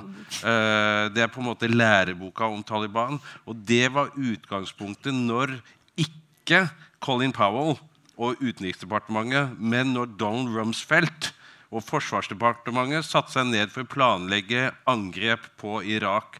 Og da var det jo, som jeg sa, ingen plan om å være i Irak lenge. De skulle ut, de skulle utrydde Al Qaida, de skulle ta så mange Taliban som mulig, og de skulle bare putte inn noen der som kunne styre inntil de var ferdig med Operation Enduring Freedom. Og da gikk det som det gikk, for de hadde ingen plan de hadde ingen kunnskap eller en stor organisert for, for, å bygge landet Afghanistan. De hadde kun en militær taktikk for hvordan de skulle rydde av veien fiende nummer én, Al Qaida, der og da. Og Det er jo utgangspunktet når vi da også går inn i Libya eller går inn i andre steder. er jo at Det, det mangler jo ikke på nå på militær kompetanse. Militær kompetanse kan vi. Det var ikke noe problem. Det tok to uker eller tre uker å fjerne Taliban eh, som brikke på spillet og skape, skape, fred. I Kabul så gikk eh, folk, eh, kvinner uten eh, burka allerede i 2002 den sommeren. Og det var god stemning. Det var kjempegod stemning. Og folk følte fri, frihet og lykke. Så militært sett var det ikke noe problem. Det var jo sivilt sett hvor vi gang på gang feiler fordi vi ikke har et apparat eller vilje til å bygge et apparat som kan etterfylle sivilt når vi går inn i konflikt. Cecilie, veldig kort så har vi to spørsmål. Trygve og Silje fra ja, Veldig kort. Ja. Jeg tror nok at både beslutningen om å fjerne Taliban i Afghanistan, ikke Al Qaida, og beslutningen om å gå inn i Irak fra enkelte hold i USA hadde mer geopolitiske dimensjoner ved seg enn det vi vanligvis tenker. Det tror jeg. Mm. Eh, og det er en av mange motivasjoner. Du får ikke den form for intervensjoner som du har hatt verken i Afghanistan eller i Irak hvis du bare har én eller to motivasjoner. Det er vanligvis minst fem. Og det er noen av de som tror jeg over tid har blitt mer dominerende. Og litt av grunnen til at amerikanerne trekker seg ut og trakk seg ut nå, var fordi i den da som har blitt mer og mer og mer dominerende, som handler om å kontre Kina, så trenger de ikke å være til stede i Afghanistan lenger. For det er klart det militære nærværet i 20 år i bak Altså i, den, i det fysiske rommet mellom Kina, India, Russland og Russland sine land og Iran. Der har de vært i 20 år. De trenger ikke å være der lenger, for teknologien gjør nå at du har kontroll på dette her allikevel. De trenger ikke å være til stede for å vite. Etterretningen kan de hente andre steder ifra. Eh, missiler kan de bruke. De trenger det ikke lenger. Og det er klart, igjen, da eh, men man taper litt kredibilitet ja, og troverdighet. Ikke sant? Det, det, handler jo også om at det har ikke blitt investert nok til syvende og sist. Det har ikke blitt stilt klare nok krav. Men jeg er helt enig med begge dere to. Det å demokratisere eller bygge en nasjon eller bygge en stat, som er tre forskjellige ting, by the way, mm. eh, fra utsiden det er veldig vanskelig. Det må komme fra innsiden på en eller annen måte. Det er hjelp til selvhjelp. Det mm. kan ikke være utenforstående som skal gjøre den jobben. Rett og slett. Trygve, spørsmål fra deg? Ja, Trygve Svensson, er særlig å være daglig leder i Tankesmien Agenda. Som, eh, og jeg må bare si tusen takk for eh, Jeg tror det må være en av de beste Afghanistan-debattene jeg har hørt. Jeg. Rett og slett, jeg synes det, det er noe forfriskende med at dere har vært så realpolitiske og nøkterne og litt sånn jeg vil ikke si kyniske, men klare i vurderingene. Det, ja, men altså, det er jo det, det, er jo det, det, vi står i nå. Altså En tid for en litt sånn nykter og, og kjølig evaluering. Og så, og så jeg bare lurt på om dere kunne klart sant, At det kunne ha egentlig hatt et nytt møte om. da men, men ok, da har vi bak oss 20 år med mislykkede forsøk på diverse typer statsbygging da, i Afghanistan og andre steder, selv om du har sant? selv om bildet blir mer nyansert med en gang vi får høre resultatene for ekte menneskers ekte liv, mm. så er det likevel eh, Og det er egentlig det siste som du sa, Cecilie Hellestveit, at, at eh, det å, å lage altså, du kan, Akkurat som at ingen kunne komme utenfra ja, bortsett fra en dansk prins, da, men altså, kan komme utenfra og lage det norske demokratiet. Det har utviklet seg over 200 år. Så kan vi gjøre det rundt om i verden. Og Norge er et lite land i verden. og dette er store geopolitiske interesser. Men likevel så vet vi at Norge har høye ambisjoner i utenrikspolitikken. Så hvis dere skal se litt inn i glasskulen de neste 10-15-20 årene i en geopolitisk usikker situasjon med kanskje enda mer realpolitikk enn de foregående 20 årene, sant? og demokrati på tilbakemarsj hva, hva liksom, Hvis dere hadde hatt utenriksministeren her, forsvarsministeren, hva ville vært de, de tre fremste rådene, strategiske rådene, eh, ønskene? Jeg vil, bare først, kort, ja. ja. jeg, vil, jeg vil utfordre det. For det, jeg har ikke lest den siste regjeringsplattformen. Det har jeg faktisk ikke gjort, Men jeg har lest eh, de to foregående rød-grønne. Soria Moria 1 og Soria Moria 2. Legg merke til at eh, Soria Moria 1 med dagens statsminister som utenriksminister gikk høyt ut på banen og snakker svulstig og varmt om hvordan Norge skal kjempe for en FN-ledet verdensorden. FN er nevnt jeg tror det er 36 ganger. eller noe sånt nå. Jeg husker ikke helt tallene i hodet lenger nå. Jeg skriver om det i boka mi, Men gjennomgangstonen er hvordan Norge skal kjempe for en FN-ledet verdensorden. Og man gikk høyt på banen. Det, første, altså det siste Bondevik gjorde før han dro, var å, å bestille fire F-16-fly til Enduring Freedom i Afghanistan for å for bombe. Det var ikke så veldig populært hos SV og de rød-grønne når de overtok, men det gikk nå. Og så flyttet man, satset man, eh, man la ned Enduring Freedom og, og, satset på ISAF og satset på alle disse andre operasjonene. Og så skjer jo ting som det skjer. Livet går videre, regjeringen møter motstand, og Libya kommer. Og ting blir ganske tøft i forholdet mellom Norge og USA. Og vi blir frosset ut i Nato fordi eh, Stoltenberg er ikke så populær verken hos Bush og egentlig ikke invitert inn i varmen hos Obama heller, umiddelbart. Og man blir pragmatiske. Og når Soria Moria kommer, så er alle referanser til en FN-ledet verdensorden borte. Da skal Norge kjempe for en rettferdig verdensorden. Og Legg merke til det ordskiftet hvor FN er tonet ned, og det ikke lenger er de svulstige eh, visjonene om Norge som fredsnasjon, men hvor det handler rett og slett bare om dag-til-dag pragmatisk utenrikspolitikk for å holde oss inne i varmen.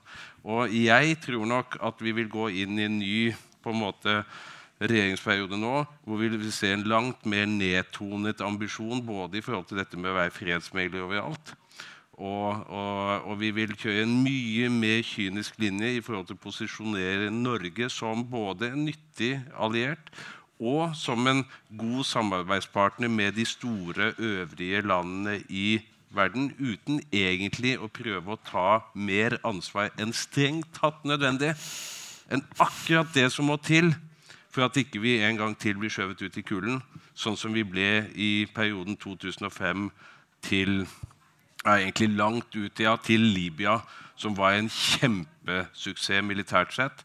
Og vi bombet oss bokstavelig talt inn i varmen igjen og inn i det ovale kontor hos, uh, hos uh, Obama. Ja, du har vært helt enig frem til nå, men nå kommer uenigheten.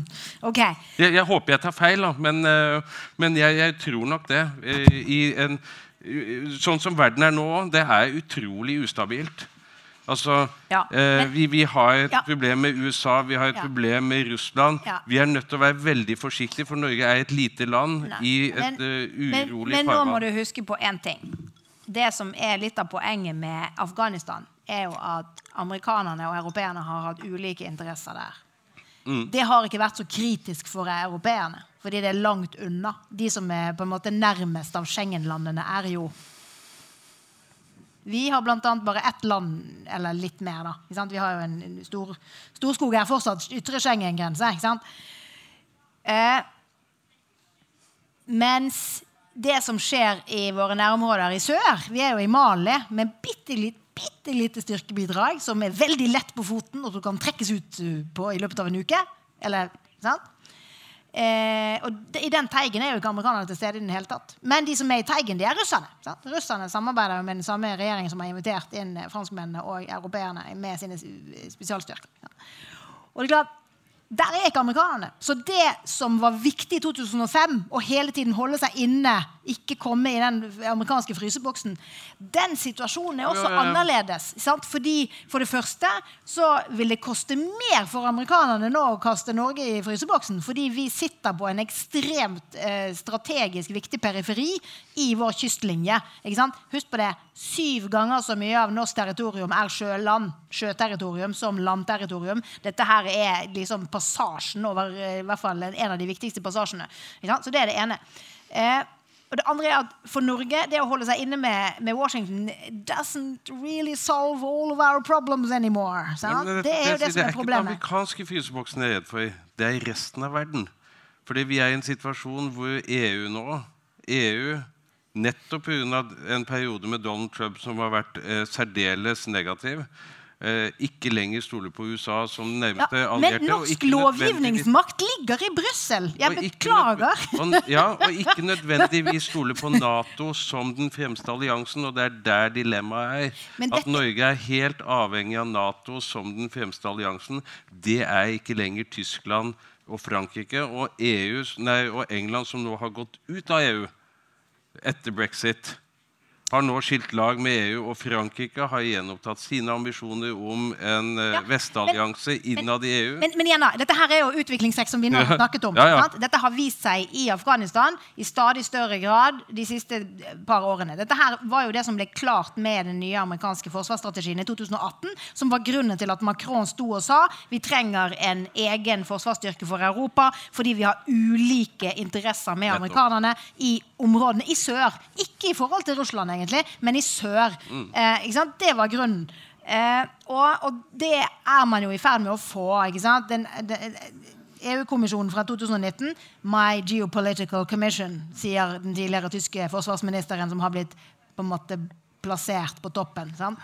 Og, og det er situasjonen. Vi ser ikke det i Norge, for vi er mest opptatt av at hun har skjørt. Sant? Ja, ja. Sant? Men? Det, det der er mye vi kan diskutere Nei, om. men jeg vil bare si et par ting i forhold til det som var, var Trygve sin, sitt innspill. Vi det, altså, Jeg er veldig opptatt av at nordmenn og europeere ikke skal tenke at det var helt forgjeves å være i Afghanistan i 20 år. Det var ikke forgjeves. For det første, har snakket, Vi har alle snakket om at vi gjorde en veldig god innsats, og, og vi har fått mye igjen. Men det er akkurat sånn som det ble sagt her innledningsvis. Afghanistan har forandret seg veldig de siste 20 årene. Sant? Og den nye afghanske generasjonen er en annen generasjon. De har andre rammer, de har andre forventninger. Der ligger det et potensial.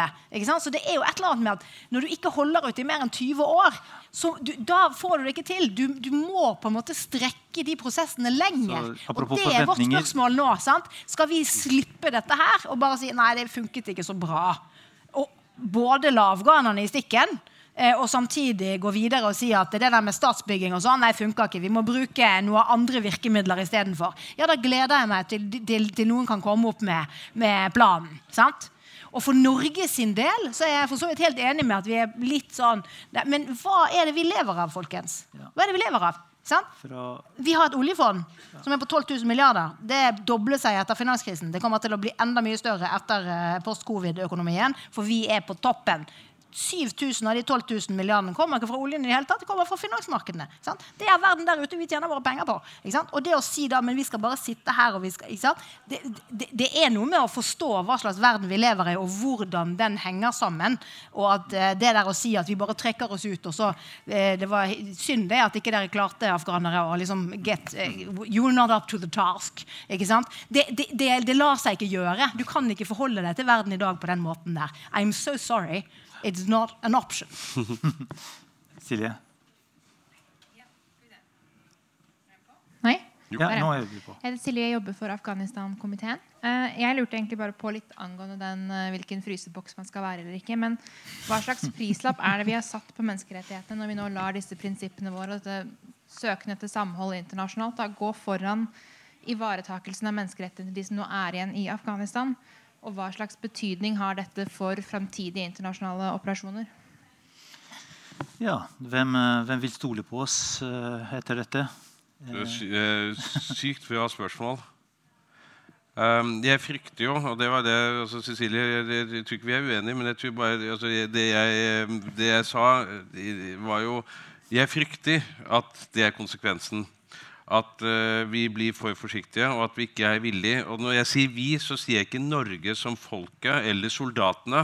Jeg er ganske sikker på at uh, Brage og hele den gjengen han uh, har, på 24 timers varsel er villig til å dra, enten det er Mali, Kongo, ethvert sted i verden hvor han kan utgjøre en forskjell for folk, er han villig til å dra på vegne av Norge og oss til enhver tid. Spørsmålet mitt går til Stortinget og politikerne våre, som sitter med helt andre avveininger. Hvor mye de mener det er verdt å satse på menneskerettighetene. Hvor mye de mener det er verdt å ofre på vegne av det norske folk. Både i penger, men også i politisk kapital og i allianse og det å stå imot. i forhold til dette. Og da, Der er jeg bekymra.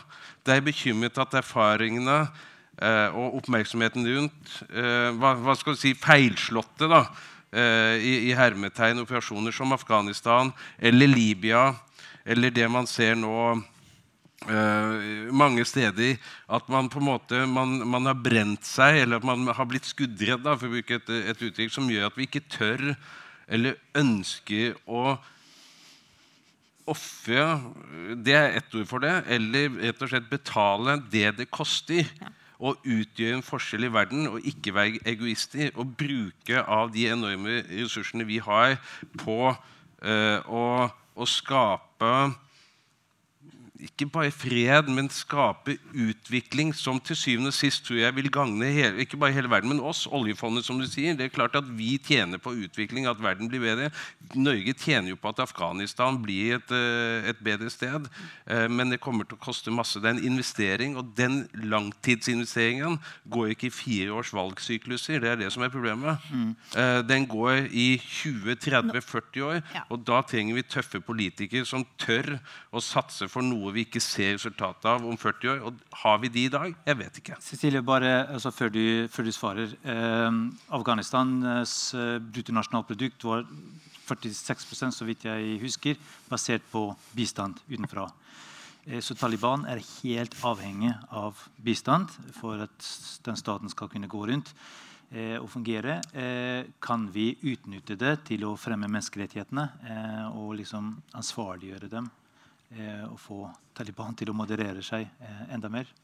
Ja, for dette er jo på en måte, Det er et veldig godt spørsmål. Men når man på en måte løfter seg litt, så er spørsmålet med hva, hva betyr det? Betyr det at man skal presse Taliban frem til de vil gjøre det de vil? Eller betyr det at man skal samarbeide med, med Taliban prøve å hjelpe dem fra innsiden. Det, det, er ikke gitt hvilken av de to virkemidlene man skal velge hvis man ønsker å ha det som, som overordnet mål. Og jeg, her er vi faktisk helt enige. for jeg mener også det. Altså For det første, for Norge så er det slik at hvis vi er litt smarte sant? og gjør det med en liten dash kynisme noen ganger, så kan vi utnytte vårt engasjement for både menneskerettigheter og fredsprosesser og stabilisering på en ganske gunstig måte for Norge. De siste 30 år så er det det som har gitt oss tilgang til Det hvite hus. Det er de prosessene der som har gjort at norske diplomater har fått komme inn og snakke veldig masse med? Og, og, og, og få gjort ting som er viktig på Norge på andre felt vi kommer til å ende opp tror jeg, i en verden om en 10-15-20 år hvor det er flere hovedsteder hvor man kan bruke det for å komme inn. Det er like verdifullt det i Beijing og Moskva og i eh, Berlin og osv. Det er også det som, Man må huske på at så det er det ene. Det trenger ikke være idealisme versus realisme her. For Norge, som er liten og lett på foten, står utenfor EU, er tung i Nato. Vi har noen ting som både eksponerer oss, men som også gjør det til en fordel. Det kan vi bruke eller vi kan la være. Jeg er veldig bekymret for at vi lar idealene våre synke ned i det som vi syns er litt krevende. Da har, har, du ikke mer stamina enn at idealene dine bare varer til de begynner å koste litt. Da kan du få de idealene det er rimelig billig. Og du kan ikke plukke de opp igjen seinere. Altså, enten så står du i det når det begynner å blåse, mm. eller så kan du unnskyld meg, bare drite i det. Sant? Nei, men altså, Helt ærlig. Og det er nå, nå now is the test. Skal, jeg er helt enig med deg. Jeg frykter akkurat det samme som deg. Jeg tror ikke vi har nødvendigvis politikere som har stamina nok til å stå i dette og si jo, folkens, sånn er vi, og sånn skal vi fortsette å være. Kanskje kommer det til å koste litt, men hva vil dere? Har dere lyst til å bli sånn?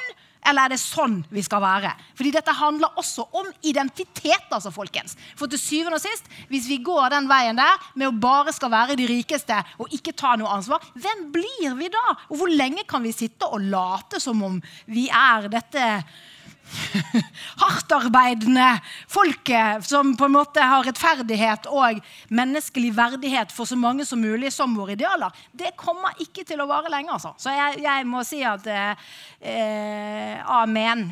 Det gjelder å, å holde prinsippene høyt også når det begynner å blåse litt. Klar tale. Vi har et siste spørsmål der. Fint hvis du kan introdusere Hallo. deg. Hei. Ja, Anders Vinjar her. Um, sitter og hører på og savner vel litt mer perspektiv på hvordan det er i Afghanistan. Vi snakker mye om her, politikerne våre, militæret vårt. George Bush uh, sin naive holdning til dette.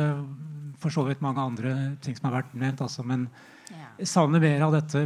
Hvordan ser dette ut fra den jevne afghaners side? Ikke nødvendigvis uh, rektoren på pikeskolen, men 95% afghanere. Eh, du var inne på det, altså legitimitet. Eh, hvordan kan vi prøve å oppnå legitimitet på de måtene vi har gjort til nå? Antagelig ikke særlig vellykka. Vi har eh, Afghanistan gjennom engelskmenn, gjennom marionettregjeringer, årene, Sovjetunionen, borgerkrig, nå Nato. Muligens har de nå for første gang en slags regjering eller styre som kanskje mer enn noen gang har hatt legitimitet hos befolkningen. Jeg aner ikke. Det, det kan man spekulere i. Antagelig er jeg selv naiv også. Man kan fundere litt på det. Ikke desto mindre har de vist gjennom den måten Taliban tok over dette, at de har bred støtte fra veldig mange. Dette er noe vi må prøve å utnytte, og ikke prøve å slåss mot. så vidt jeg kan forstå. Eh, I så fall går vi i samme fella som vi gjorde for 21 år siden. At vi, vi tenker ut fra vårt eget perspektiv. Det jeg egentlig lurer på er, ok, Vi kan sitte her og snakke, men, men hvor er politikerne våre? Det har vært nevnt flere ganger. Altså, vi var ekstremt naive som samfunn i 2001. opplagt. George Bush hadde lest uh, den boka, og en del andre hadde lest uh, 'Drageløperen'. antagelig, Og så drar vi inn i Afghanistan og tror vi skal forstå noe som helst av et sånt samfunn. Sender soldater inn. Uh, politikere var helt fraværende den gangen i Norge. Antagelig internasjonalt. Hvor er det nå? vi trenger ryggrad. Vi trenger folk med, som kan stå opp de siste ukene så har Afghanistan blitt mer eller mindre borte igjen fra de daglige nyhetene. Selv i Klassekampen er det lite. Hvordan kan vi få noen til å stå opp og holde dette varmt? Prøve å finne andre perspektiver på ting i retning av det du sier. altså Få, få, få fram de synspunktene som er litt radikale. Som tenker på en annen måte, som ikke bare unnskylder det vi har gjort. Det er nettopp det vi prøver å gjøre gjennom uh, dette arrangementet. ikke minst, Og ser at Afghanistan-komiteen har også en, en, kronikk i Klassekampen i dag, som også er interessant. Eh, ja, Takk for et godt spørsmål. Vi kan kanskje avslutte med, med det. Også hvordan eh, ser verden ut fra eh, afghanerne, og eh, hva vi kan gjøre eh, fremover for å stabilisere Afghanistan? Nei. Eller for å hjelpe til at stabiliteten holdes. da.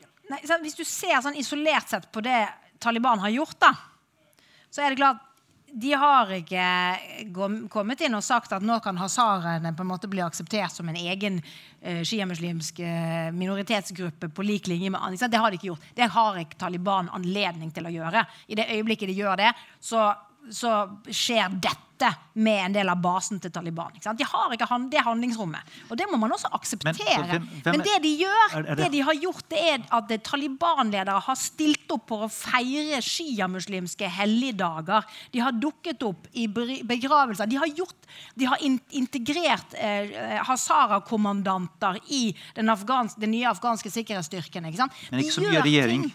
I regjeringen så har de Nei. posisjoner til sine sant? egne. Ja, og det er det som er problemet. da. Fordi det er, altså, altså Taliban har jo blitt en, en, en, eh, helt annen bevegelse de siste årene. Mye mer profesjonell. Men det som har skjedd de siste årene er at de har bare en, ekspandert noe voldsomt. Sant? Og det gjør at det å plutselig skulle bli veldig lik eh, på en måte den regjeringen som de vestlige ønsket å støtte, er også et problem. Dette var jo grunnen til at angrepet til IS mot flyplassen var genialt. Det var én mann én selvmordsbomber, og hvem drepte han? Taliban-soldater og amerikanere.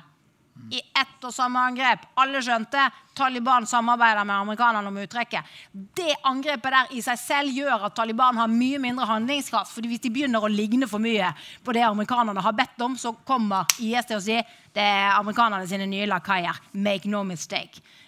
Og da begynner du på en måte å grave inn i Taliban sin, sin støtte. Så dette, så dette, er jo politikk, folkens. Sant? Og Taliban er i en vanskelig posisjon hjemme.